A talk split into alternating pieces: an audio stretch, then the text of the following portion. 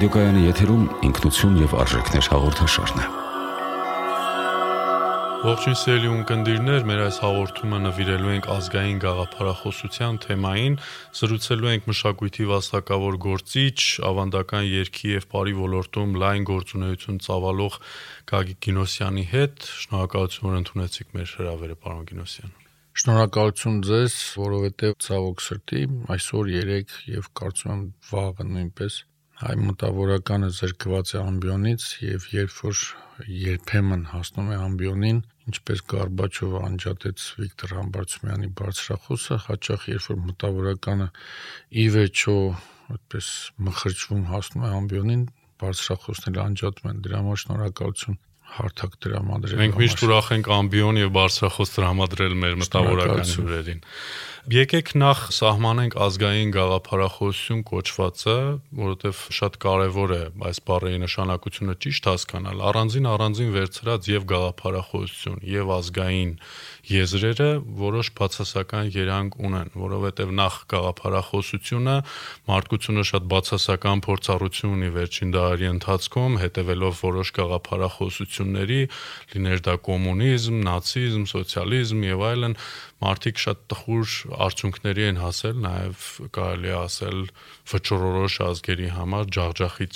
հետևանքներ են եղել եւ ազգայինը որպես այդպիսին դրական երևույթ է ունենալ ազգային մտածողություն, բայց այդտեղ կան նաև վտանգներ, որ մեզ տանում են շովինիզմի կամ նացիոնալիզմի։ Դրա համար եկեք սահմանենք ազգային գաղափարախոսության անհրաժեշտությունը որպես մի ընդհանուր մտածողության ժողովրդի լայն զանգվածներին միավորող ընդհանուր մտածողության, որի կարիքը կարծում եմ ազգը ունի, հասկանալու համար թե ուր է շարժվում, ինչ են իր ձգտումները, ինչ են իր նպատակները, ինչ կասեք այս մասին։ Գարեգին Նժդեհը հայ ոգու, հայ ռազմի մարգարեն Կարիգին Նրդե ասում էր, որ մեր ազգը պիտի հեռու մնա բոլոր իզմերից, որոնք կեղծ են եւ արեստացին եւ օտարների եւ մեծ տերությունների կողմից ստեղծած, որը կործանար է։ Այսինքն այդ ձեր ասած սոցիալիզմ, կապիտալիզմ, ֆաշիզմ, նացիզմ եւ այդ բոլոր տեսակի իզմերը իրականում կործանար են մեր նման ազգերի համար։ Հիմա գլոբալիզացիա եւ այլ ուղղակի բառն է արժե զրկվել որտեվ շատ հաճախ այն ինչ որ ներկայացվել է որպես գաղափարախոսություն, դա եղել է մեծ տերությունների կողմից փոքր երկրներին առավելևս ազգային պետություններին զսպաշապիկ հագցնելու ավելի մեծ ցանկություն, քան թե իրական գաղափարախոսություն։ Իրականում գաղափարախոսությունը չի կարող ազգային չլինել։ Իհարկե կան համամարտկային արժեքներ եւ այլն, բայց գաղափարախոսությունը դա մի բան է, որ պիտի համախմբի այս կամ այն ազգի ներկայացուցիչներին։ Հիմա եթե մենք ապրում ենք մեր ընտանիքում, ենթադրենք մեծ գերդաստան էր ապրում, հա, Հայաստանում 40, 60, 80 հոգի, գուցե 100 եւ ավել։ Եթե այդտեղ ներքին գաղափարաբանություն չկա, արժե համակարգ չկա, դա չէր կարող երկար տևել, ասենք 40 հոգի ոնց կարող էր ապրել նույն հարկի տակ։ Դա պիտի լիներ ինչ-որ արժե համակարգի շուրջ։ Այսինքն ինչ ընդունված էր, մայրը ինչ դիրքում էր, կինը ինչ կարգավիճակ ուներ, երեխան, տղամարդը ինչ էր իրենից պարտավորություն որպես տանձնում, այս արդեն գաղափարախոսություն է որտեվ ինչ որ արժե համակարգեր, եթե մենք չունենք, խոսել գաղափարախոսությունից ծիծաղելի է, բայց հիմա ոչնչացում է ցանկացած տեսակի սրբություն։ Այսինքն մենք կերտում ենք սրբապիղծ աշխարհ եւ փորձում ենք ինչ-որ ազգային գաղափարախոսությունից, ազգային էլ չէ, ուղակի գաղափարախոսությունից։ Բայց ես ասեցի, որ եթե Մագդիրը հանում են գաղափարախոսությունը, դա ուղակի դառնում է ինչ-որ զսպաշապիկ, ինչ-որ մեկի գլխին, ինչ-որ մեկի կողմից, ասենք, դեմոկրատիա, Սա ինձ համար դեմագոգիա է, որտեղ այն ինչ որ մեծ երկրի համար դեմոկրատիա է, դա փոքր երկրի ներքին գործերին խառնվելու եւ նրան բռնաճնշելու, բռնուղորթելու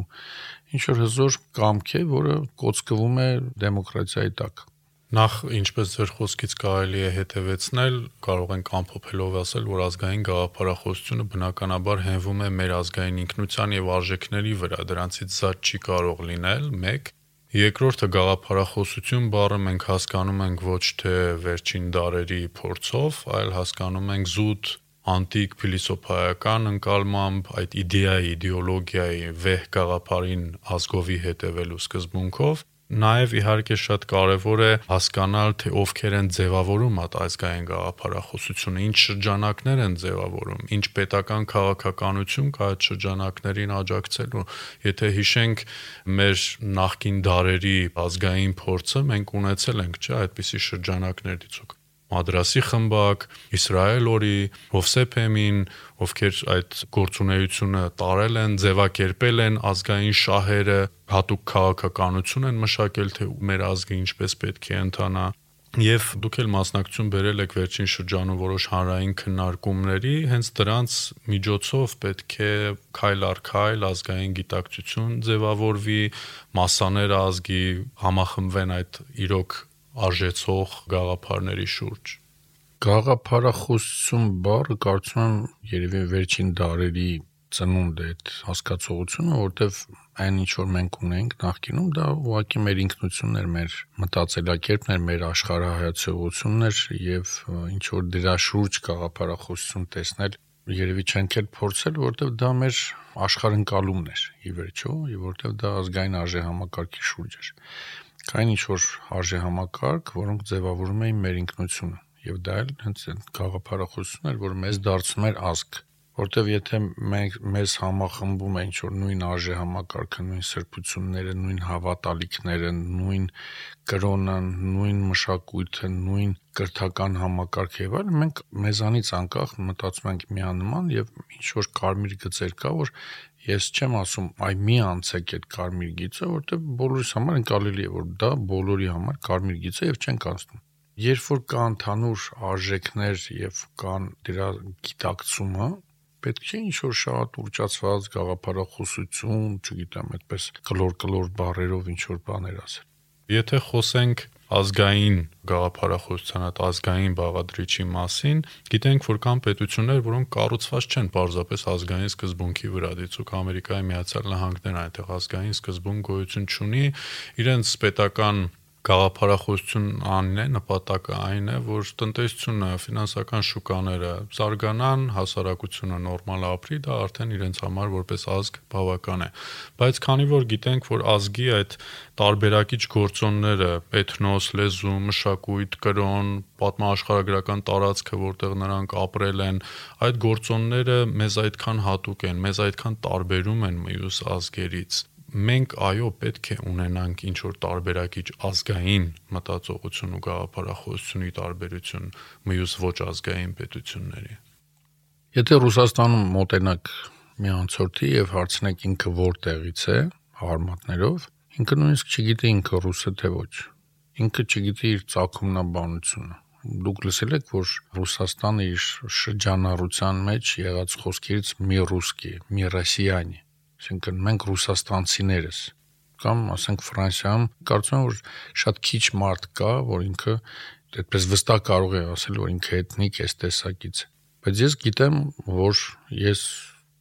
էթնիկ հայ լինելուց զատ ես կարինցի եմ, Էրզրումից եկած պապերիս եւ ամեն մի պապուս տատիս քաղաքը, գյուղը գիտեմ, ով որտեղից եկել Կարինի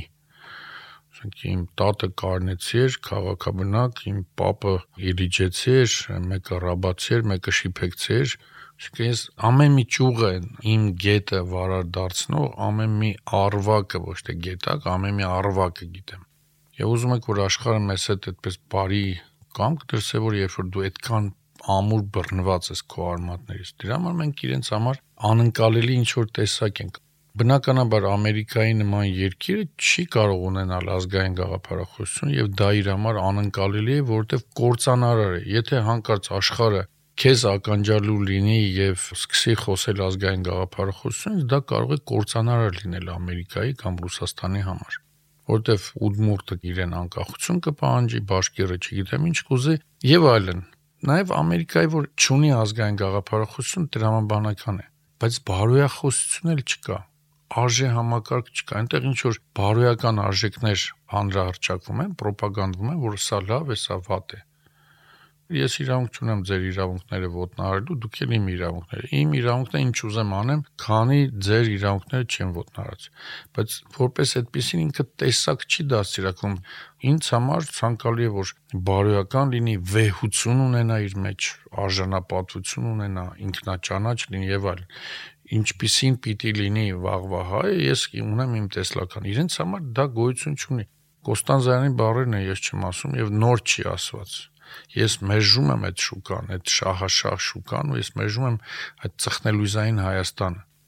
Մեր ամբողջ ինքնության սկիզբը Արարատ լեռն է, որը կրոնական նշանակություն ունի վերջերս մերժված պետական ատյանների պետական այրի կողմից եւ Արարատ լեռն է մեր ամենքի սնուցողը Սա նույնպես Կոստանզարյանի բառերն են։ Ինչի համար դարերով միլիոնավոր զո հետևե Հայաստանը, հայ ազգը Արարատից չզրկվելու համար։ Եվ ինչ որ մեկ ասում է դա Թուրքիայի սարն է, մեր ամենաբարձր սարը Արագածն է։ Այո, նա գտնվում է ներկայիս Թուրքիայի տարածքում, Թուրքիան Հայաստանից բաժանող սահմանից այն կողմ։ Ուրեմն դատեք Մարտիրոս Սարյանին, ով զինանշանի վրա նկարել էր Արարատ լեռը դատեք նաև մերօրյա զինանշանի հեղինակներին, որտեղ այդ հայոց պաշտպանվածությունը խորհրդանշող Վահանի մեջտեղում Արարատ լեռն է Նոյան տապանով 20-րդ դարում մենք որպես բավական կուր գաղափարախոսություն ունեցանք Նժդեհի կողմից հիմնադրված ցեղակրոնությունը Նաև գիտենք, որ Հայաստանի թշնամիների կողմից մանիպուլացվում է, դա ասոցացվում է նացիոնալիզմի հետ եւ այլն, բայց ցեղակրոնության տարբերությունը որոշակի նացիոնալիզմից եւ շովինիզմից երևի հետեւյալն էր, որ գիտենք, որ նացիոնալիզմը ոչ միայն սեփական ազգային առավելության մյուսների հանդեպ դրա ուսմունքն է, այլ նաև ցավալապաշտական է, իր ազգային շահերը գերադասում է մյուս ազգերի շահերից եւ պատրաստ է ոտնատակ տալ ամենքին, ի շովինիզմը դա պարզապես սեփական ազգի ու մշակույթի գերազանցության կարծիքն է, կարելի է շատ ժամանակ հոմանիշ համարել ազգային պարծենկոտության հետ։ Սնապարծություն։ Այո Դիցուկ 2018 թվականին միջազգային հեղինակավոր Pew հասարակական կազմակերպությունը հարցում իրականացրեց եվրոպական 33 պետություններում եւ միջին ցուցանիշը եվրոպական երկրներում շովինիստական կարծիքի գրեթե մոտ 50% էր, այսինքն գրեթե կեսը բնակչության այդպիսի կարծիք կարող էր ցանկացած պետությունում արտահայտել, որ մեր ազգը ավելի բարձր է մշակութային առումով, քան մյուսները։ Եվ մի հետաքրքրական նրբերանգ կար այստեղ արդյունքների առումով. Առաջին 3 տեղերը այդ ինդեքսում 33 եվրոպական պետությունների գրավել են հին ազգերը։ Առաջին տեղում է Հունաստանը, երկրորդ տեղում Վրաստանը, երրորդ տեղում Հայաստանը 80%-ից ավելի բարձր ցուցանիշով, այսինքն այդ ազգային պարծենկոտությունը ինչ որտեղ նաև մեզ հատուկ է բայց Նժդեհի ցեղակրոնությունը հերրու էր այդ ազգային սին պարծենկոտությունից եւ նացիոնալիստական հակումներից Նժդեհը բնականաբար այդ ուսմունքը առաջ բերեց եւ ներդրեց Սյունիքի ինքնապաշտպանության մեջ, որովհետեւ ծայրահեղ քրիտիկական ժամանակներում, երբ քո ազգին բնաջնջում է սպառնում, դու քո ազգայինը պետք է վերացես քո կրոնին ու պատրաստ լինես մինչև քո արյան վերջին կաթիլը պաշտպանելու քո ազգը եւ դնելու քո կյանքը այդ ազգի կայացման ու ինքնապաշտպանման համար։ Այսինքն դրա մեջ այլատյացություն չկար, ճիշտ է, այդտեղ պայքար էր գնում հայերի եւ թուրք բնակչության միջև եւ Սյունիքը հայկական պահելու համար բնականաբար Նժդեհը ստիպված էր Դավիթ Բեկի պես թուրքական աշիրետներից, ցեղերից մաքրելու Սյունիքը, որպեսզի կարողանան գոյատևել։ Այսինքն այդ տարբերակումը հստակ պետք է լինի մեր բոլորի մտքերում։ Հակառակ մեր թշնամիների եւ նաեւ որոշ պետական այրերի հայտարարությունների։ Նայեք, Խոջալուն եւ Շուշին դրանք ադրբեջանական բնակավայրեր չէին դրանք ադրբեջանական բնակավայրի անվան տակ ռազմական հենակետեր էին, որտեղից ուղակի ռմբակոծում է Ստեփանակերտը։ Սյունիքում էլ նման կետեր կային, որտեղ իբր ադրբեջանական կամ թուրքական բնակավայրեր էին, բայց դրանք այնպիսի կետերում էին գտնվում, որը ահու սարսափի մեջ էր պահում ողջ Սյունիքը եւ առաջին հարձակումը Նժդեհի դա Օղչի ձորի բարձունքի վրա էր, որը եթե շարունակեր մնալ թուրքական, ինքը չէր կարող որևէ կերպ Սյունիքի ազատագրման, Սյունիքի հայացման եւ հայոց պետականության մեջ լինելով հանդերձ Հայաստանի մաս լինելու, որտեղ այնտեղ ուղակի թուրքական մանիպուլատիվ երևույթներ էր իրականացում շատ հետաքրքիր բաներ է արծարծում իրական սենապարությունը ահավոր մեծ արատ է ցավոք սրտի որով վարակված է մեր ազգը որոշ մաս եւ հետաքրքիր ինչ է որ սենապարությունը դա սեփական ուսերից որոշակի կոնկրետ առաքելություններ վանելու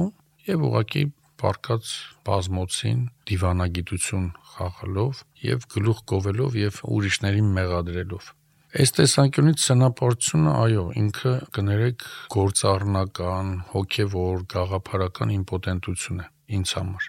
սևակը նման հոդված ունի, չէ, ազգային սնապարություն, որտեղ արծարծում է, որ ազգը մեռնելու մի ձև ունի, դա ինքնասպանությունն է։ Այդ փարկասու որ մենք ունենք նժդե, որը կարծում եմ, որ շատ քիչ ազգերի մոտ կարելի է տեսնել ինչ որ մեկին, որը համակարգել է այդ գաղափարախոսությունը ու այնքան բյուրեղացրել, որ շատ հեռու է ֆաշիզմից եւ նացիզմից եւ երբ որ իրեն մեղադրում էին, ինքը ասում էր, որ դա 19 թվին Սյունիքում է ստեղծվել պայքարի բովում է ինքը ընդամենը թղթին է հանձնել հետո բայց այդ ժամանակ այդ գաղափարախոսությամբ է ախտել հիմա երբ որ մենք քննարկում ենք սա ինքը այդպես տունը նստած գրած գաղափարախոսություն չէ ցեղակրոնություն ինքը ապրված եւ կյանքում փորձարկված գաղափարախոսություն էր։ Ցեղակրոնություն նախ շատ ավելի շուտ է ստեղծվել, քան թե ֆաշիզմը, Երկրորդը բացատրում է ամեն կերպ, որ այդտեղ ոչ մի սենապարտության, այլատիացության ոչ մի եզր անգամ չկա։ Եթե համեմատենք ցեղակրոնությունն ու ֆաշիզմը, ապա ֆաշիզմը դա ձեր ասած սնապարտությունն է, մեծամտությունն է, իսկ նժդեի ստեղծած ցեղակրոնությունը դա ազգային արժանապատվության եւ հպարտության զգացողությունն է։ Եթե ֆաշիզմը այլոց արժանապատվության ոտնահարումն է, ապա ցեղակրոնությունը սեփական արժանապատվության գիտակցումն է։ Այսինքն այստեղ որևէ մեկի մասին խոսք չկա բացի Թուրքից Նժդե ազգային արժանապատվության գիտակցման էր բերում իր ստեղծած ուսմունքով։ Այստեղ ուրիշների առանձնապես բացի դատարկա բառ, որ մենք ամենալավն ենք, մենք ամենազորեղն ենք, մեր արյունը կապուտ է, մենք պիտի իշխենք աշխարհին, որևէ իրենց արժեքներ կամ իրենց այդ գերակա լինելու որևէ փաստակ չի բերվում։ Հակառակ այնտեղ ավելի շատ խոսվում է ուրիշների ցածր լինելու, ուրիշների ստոր լինելու եւ այլն։ Այս տեսանկյունից շատ կարեւոր է գիտակցել, որ այստեղ ազգային արժանապատվության գիտակցում կա, իսկ այստեղ կա ուրիշների արժանապատվության ոտնահարում։ Եվ դրանք հակընդդեմ են եւ ով որ դրանք փորձում է իրար ինչ որ ընդհանրության եզրեր տանել, դեռ ընդհանուր մեկ բան կա. Դա արժանապատվություն հասկացողությունն է, որը մեկ կողմում արժանապատվության ոտնահարումն է, մյուս կողմում արժանապատվության գիտակցումը ծիծաղել են այն մարդիկ, ովքեր այդ փորձում են այդ խամաճիկացնել մարդկանց մտքերը, որտեվ այնտեղ էլ ազգ գաղափար կա, այստեղ էլ ազգ գաղափար կա, բայց այնտեղ սեփական ազգի ինքնությունը բացահայտելու եւ արժանապատվությունը գիտակցելու խնդիր կա, այստեղ ուրիշների արժանապատվության, ուրիշ ազգերի ոտնահարման մեծ-մեծ այդպես զոր մեքենա կա։ Ընդ որում սա տկարություն է, սա զորություն է։ Սա պահում է ազգը, սա ի վերջո փուչիկի նման պայթեցնում է որտեղ դա երկար չի կարող տևել եւ մեկ ազգը չի կարող աշխարհին տիրել եւ ի վերջո դա այդ սին այդ սենապարս երևույթը պայթեցնելու է Այս տեսանկյունից հստակ է Նժդեհի եւ այդ գաղափարախոսությունների տարբերությունը եւ ով փորձում է մեզ շեղել ինքնապաշտպանությունից, Նժդեհը ասում էր անգամ հայ առաքելական եկեղեցու կրոնը պիտի դառնա ինքնապաշտպանությունը։ Ասում էր ներել կարելի եւ թշնամուն, բայց ոչ ազգիդ կեսը մորթոտողին։ Թուրքատյացություն այնտեղ չկա, բայց որ չի կարելի ներել ով ազգիդ կեսը մորթոտել է, դա ուղղակի մարդկային վեհ զգացողություն է։ Եվ այն ինչ որ ինքը սերմանում էր հայ մարդու մեջ, դա լինելության եւ հավերժության խորհուրդ էր կրում։ Եվ Նժդեին ասել, որ ինքը համաշխարհային, չգիտեմ, այսպես ընկալվում է որպես ֆաշիզմ, կներեք ինքը ֆաշիզմի ժամանակ անգամ հակաֆաշիստ էր իր գաղափարախոսությունը ֆաշիզմին հակասող էր, որտեղ ինքը ասում էր զարգ միայն նրան, ով իզորու է պատասխանել քո զարգին, այլապես դու սովորական մարդասպան ես եւ ոչ զինվոր։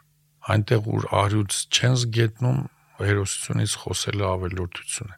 Ուրախ եմ, որ խոսեցինք նժդեականության եւ ցեղակրոնության մասին եւ արժանի գնահատականը տվեցինք այդ ամենին։ Կարևոր էր սա հնչեցնելը եւս մեկ անգամ իլուր մեր հայ հասարակության Եվ այո, պետք է սեպենք, որ այդ մեր ազգային սնապարտությունը, մեր պահանջատիրությունը, երբ սկսած 19-րդ դարի Բեռլինի կոնֆերանսից ամբողջ աշխարհի օձիքը չենք դադարում քաշքշել պահանջելով, որ իբրև թե ամբողջ աշխարհը պարտավոր է մեզ ինչ որ բաներ վերադարձնել, դա մեզ ոչ մի օգուտ բացի վնասից, բացի թշնամանքից եւ բացի արհամարանքից կարծում եմ չի բերել Եվ մենք որպես ազգ, փոքր ազգ, ազգային պետություն, կարծում եմ կարիք ունենք օրինակ վերցնելու մեզ պես փոքր ազգային պետություններից դիցուկ Բալթյան երկրներից, Ֆինլանդիայից, Իռլանդիայից, Իսլանդիայից, նրանք էլ որոշ ժամանակաշրջաններում հայտնվել են անբարենպաստ աշխարհակաղակական իրադրություններում, կոտորվել են, ագրեսիայի են ենթարկվել, բայց կարողացել են ինչ-որ արժանապատիվ բալանսի հասնել եւ ներքուստ եւ արտաքուստ։ Եվ մի հարց էլ է մնում, որ կուզենայի, որ քննարկեինք, Որոշ ազգեր ունեն գաղափարախոսություն եւ կիրարկում են դա շատ ժամանակ նաեւ ագրեսիվ գաղափարախոսություն դիցուկ մեր երկու մերձավորագույն հարևանները Թուրքիան եւ Ադրբեջանը սկսած Օսմանյան կայսրության շրջանից եւ Քեմալական Թուրքիայի օրերից դեռևս շարունակում են գործի դնել իրենց այդ պանթյուրքիզմի, պանիսլամիզմի գաղափարախոսությունը եւ ինչպես հայտարարեցին վերջերս հետեւողականորեն գնում են դրա իրականացմանը եւ ուզում են իրականություն դարձնել այդ ամենը բայց եթե նույնիսկ ծայրահեղացված չէ, չխոսենք ծայրահեղական ազգային գաղափարախոսության մասին, պետք է ուղի տեսլական ունենա պետությունը, ինչը որ վերջին 30 տարիների ընթացքում չի նկատվում։ Պարզ չէ, արդյոք պետական ապարատի իշխանությունները իրար հերթագայող ունեցել են ընդհանրապես պատկերացում, թե մենք ուր ենք գնում։ Եվ նաև մեր հասարակության ինքնագիտակցության մեջ չի նկատվում այդ հավաքականությունը, թե մենք ուր ենք գնում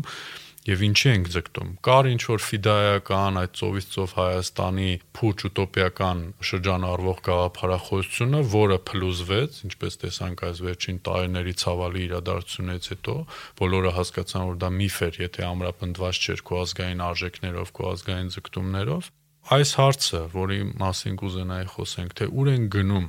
որն է մեր տեսլականը, հորիզոնի վրա մենք ինչ ենք տեսնում Ես գամ նախորդ հարցի շարունակությունից, ասեմ, որ երբ որ ասեցի Նժդեի բարերը, որ անգամ հայ առաքելական եկեղեցու կրոնը պիտի լինի ինքնապաշտպանությունը, պիտի ասենք, որ մի բանաձև կա, դա ինքնապաշտպանությունն է։ Մեզ 30 տարի կերակրեցին, այո, ռուսական ռազմաբազան էստեղ է, ուրեմն խնդիր չկա, եւ մյուս եզրը, որ այ ռուսը չլինի, մեկ օրում Թուրքիան կմտնի այս ծերից, այն ծերից դուրս կգա Հայաստանի, նոր ցեղասպանություն կլինի։ Ես կուզեի, որ մարդիկ նայեն, թե 18 թվականին Սարդարապատ Բաշաբարան Ղարաքիլիսայում եւ իմ ծննդավայր Աղցխայում ինչ եղավ։ Աղցխան 6 ամիս շրջափակված Թուրքի դեմ, պես էլ Թուրքը չկարողացավ կամքը կոտրել։ 6 ամիս մի փոքրիկ քաղաք, մի ամբողջ Թուրքիայի դեմ կարողացավ կռվել Այստեղ ռուսը չէր փրկողը, ռուս չկար, բավական չէ, Լենինը նվիրել էր, չեր էլ ծախել։ Եթե հիմա Ռուսաստանը ծախում էին Ադրբեջանին զենքեր,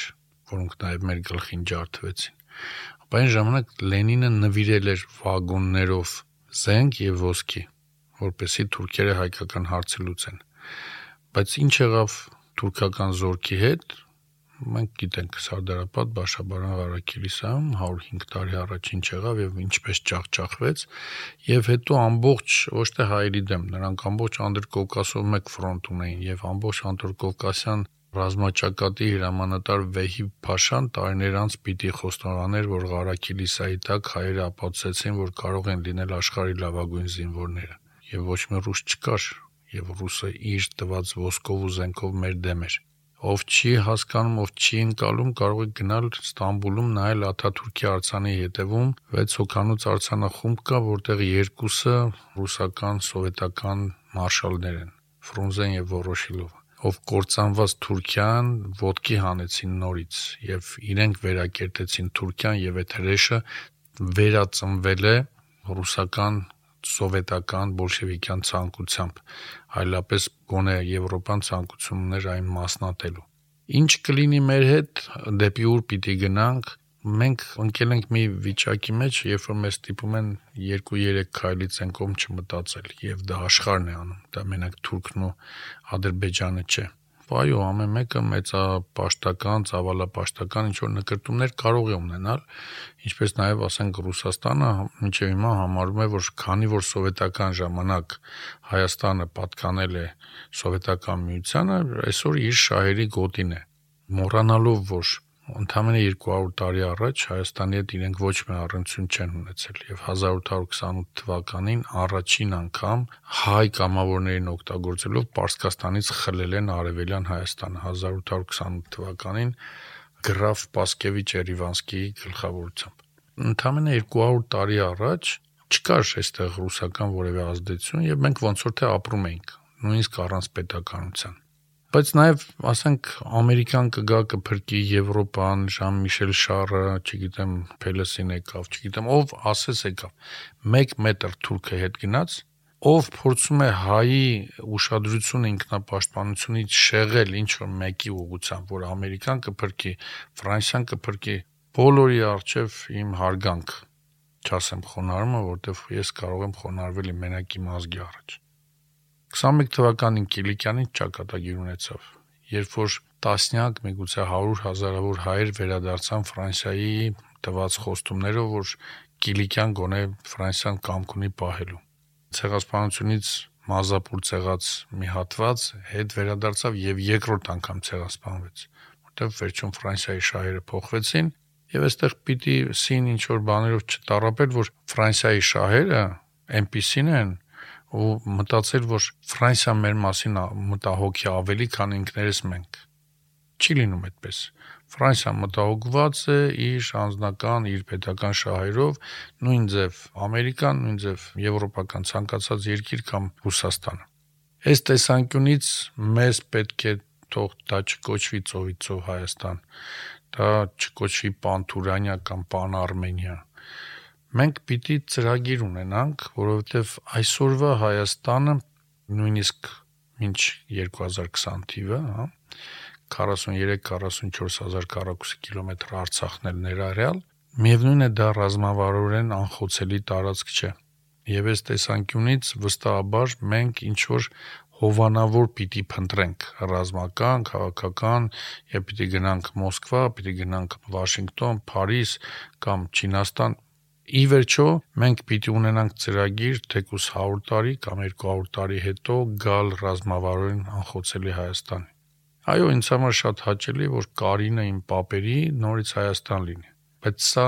լոկ ինչ որ այդպիսի մեծապետական կամ ինչ որ սնապարծական բան չի, որ իմ papերի հողնա դրա համար պիտի լինի։ Ոչ, եթե ես այսօր չունեմ այդ տեսլականը, ռազմավարորեն անխոցելի Հայաստան կերտելու, ես ուրեմն ես մշտապես խամաճիկացված ինչ որ ճակատագիր պիտի ունենամ։ Իսկ եթե մենք խելացի գտնվենք, իհարկե օտարը աշխատում է դրա դեմ եւ հատկապես տարածաշրջանում իր շահերը ունեցող այլ երկրներ, այլ պետություններ, բայց մենք պիտի ունենանք հստակ տեսլական ռազմավարորեն անխոցելի Հայաստան կերտելու։ Իսկ դրա հիմքում այն սերունդն է, որը պիտի կերտի դա Ես անդադ այդ օրինակը բերում եմ։ Ես 3 քայլ եմ մտածում շախմատի մեջ 3 քայլ առաջ եմ մտածում, Լևոն Արոնյանը մտածում է 33 քայլ։ Ես ասում եմ միևնույնն է պիտի հաղթեմ իրեն։ Ես սա իրական սնապարություն է։ Փոխանակ մտածեմ ոնց անեմ, որ 3-ի տեղը գոնե 13 սկսեմ մտածել, որ 33-ի դեմ դիմակայելու ինչ որ հնարավորություն ունենամ, ես միևնույնն է 4 քայլն չեմ մտածում, բայց ասում եմ պիտի հաղթեմ չի 4 քայլ։ Եվ մեզ անդադ դնում են այն իրավիճակի մեջ, որ մենք 3 քայլից ավել չմտածենք,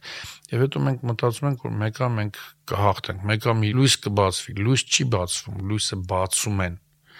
Եվ մենք կամ ծրագիր կունենանք, որի հիմքում կլինի այդ երկարատև ներդրումը սերնդի մեջ,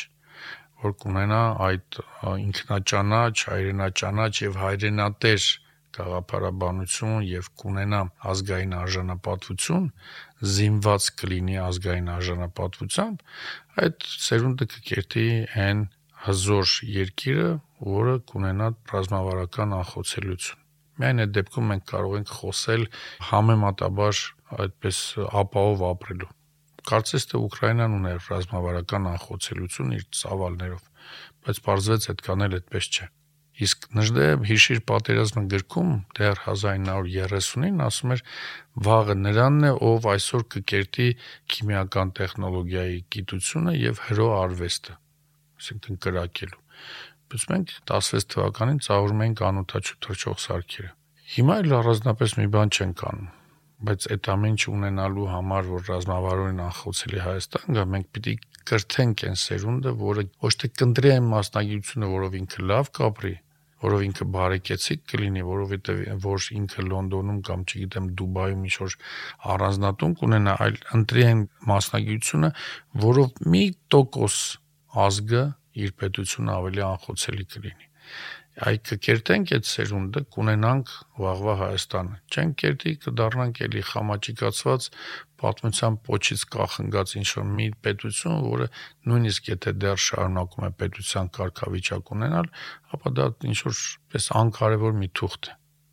Ես պիտի կոչ անեմ հայ մտավորականին։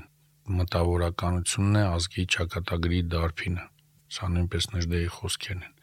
Եթե ուզում ենք այդպեսին լինի, չի պետք է սպասենք, որ պետությունը կանի կամ առավել եւս օրվա իշխանությունը։ Պատմության մեջ կան ժամանակներ, երբ օրվա իշխանական շահը պիտի ստորադասվի ազգի հավերժական շահերին։ Այս տեսանկյունից միայն մեկ անց կա, որ կարող է կերտել, դա մտավորականն է։ Եվ մեզանից յուրաքանչյուրը 1%-ով թե 30 թե 150, մեզանից յուրաքանչյուրը ով իրեն մտավոր ունակությունները զգում է եւ տեսնում է, որ ինքը կարող է այդ սերունդը կերտել, ինքը օր առաջ պիտի փութաջանորեն լծվի այդ աշխատանքին անկախ նրանից պետությունը, իշխանությունը, օտար ուժերը ինչպես կանդրադառնան։ Մենք կունենանք Լեոնիդ Ազգազյանի կամ Արտուր Մկրտչյանի, Թաթուլ Կրպյանի, Մովսես Գորգիսյանի ճակատագիրը, թե մի քիչ ավելի բարեհաճ կլինի ճակատագիրը մեր նկատմամբ միևնույն է մեր առաքելությունը դա պետք է լինի եւ անգամ սեփական անձի չլինելու հաշվին արարել այն սերունդը հայոց դիցաբանության մեջ կա մեռնող առնող աստվածությունների գաղափարը մենք կիսակախցած երեխայի շուրթերից փոկում ենք վերջին բուրցորենը գարնանամուտին եւ նրան հանձնում ենք հողին գիտակցված, գիտակցված սպանում ենք, տալիս ենք հողին, այն հույսով, որ այնտեղից այդ ամեն մի ծորենի հատիկը ավելի կատարյալ ծորենի հասկ է դառնալու եւ նոր բերք է դառնալու մեր երեխաներին կերակրող մտավորականը ով գիտակցում է իր ազգային լինելույթությունը եւ իր ազգային ինքնությունը, այ ինքն է որ պիտի կերտի վաղվա Հայաստանը։ Շնորհակալ եմ պարոն Գինոսյան զրույցի համար, ազգովի լծվենք այդ ազգապահպանական գործին։ Մնացեք բարև։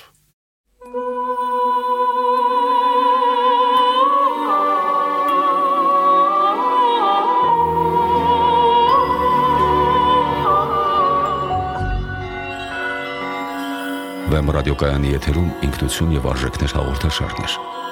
Այն ձեզ ներկայացրեց Վարդան Սարգսակ Ասլանյանը։